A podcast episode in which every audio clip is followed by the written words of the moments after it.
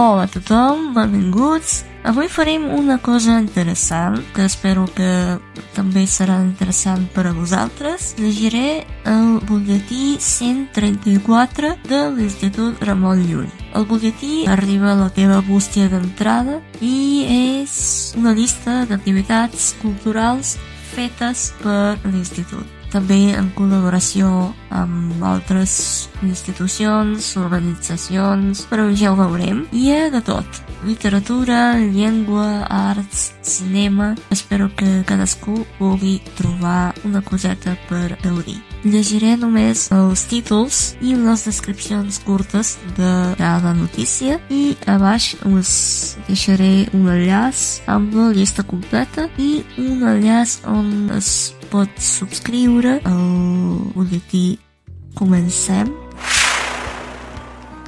Llengua 9 de març de 2023, crec que és la notícia més important, per això es troba a l'inici. Obrim una nova càtedra d'estudis catalans a la Universitat Hebrea de Jerusalem. La càtedra Bonestruc de Porta organitza activitats acadèmiques i de recerca que contribueixin a la promoció i difusió d'estudis catalans.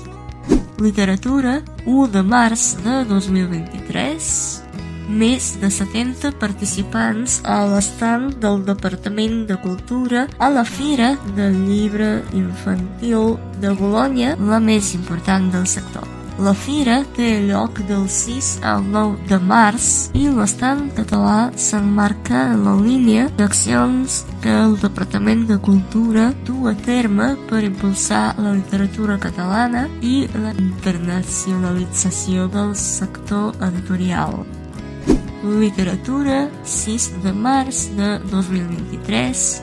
Barcelona serà la seu del Libby World Congress de 2028, el congrés de literatura infantil i juvenil més important del món. Barcelona ha estat la candidatura escollida entre les quatre finalistes Accra, Ghana, Suwon, Corea i Sharia, Emirats Àrabs, pel Comitè Executiu de l'IBI Internacional.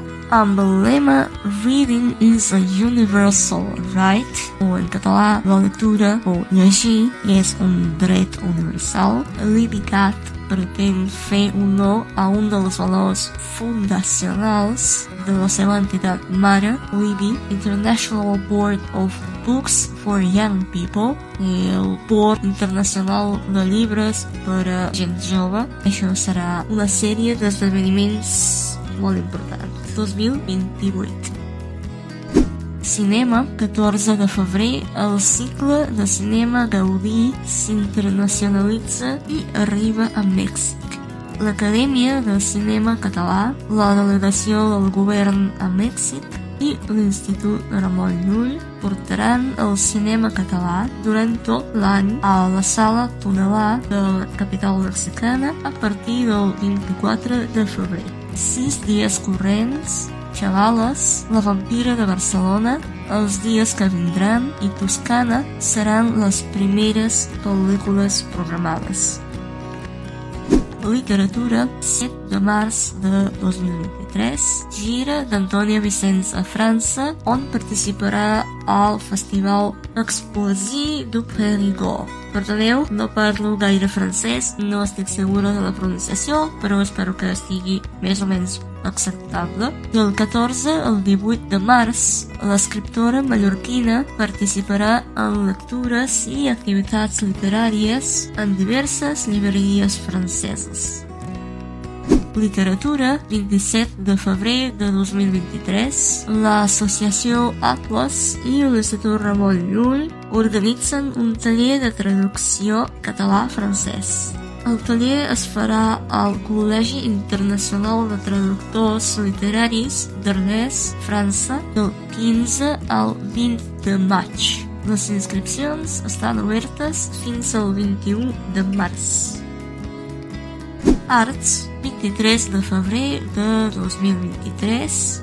Favé Andorra presenta les residències que impulsarà durant el 2023 El Departament de Promoció Cultural del Ministeri de Cultura i Esports d'Andorra i l'Institut Ramon Llull han presentat els projectes de creació artística que acollirà la residència Faber Andorra.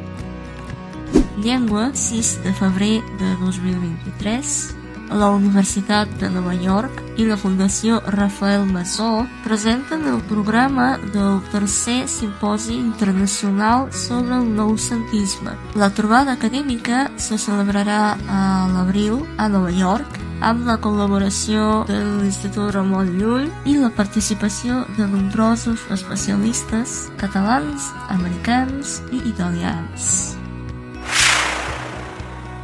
Això seria tot. Com ja he dit, trobareu els enllaços a la descripció. Cada vegada que arribi un nou butlletí, jo faré la mateixa cosa. Llegiré les notícies amb les seves descripcions i us deixaré una llista de notícies.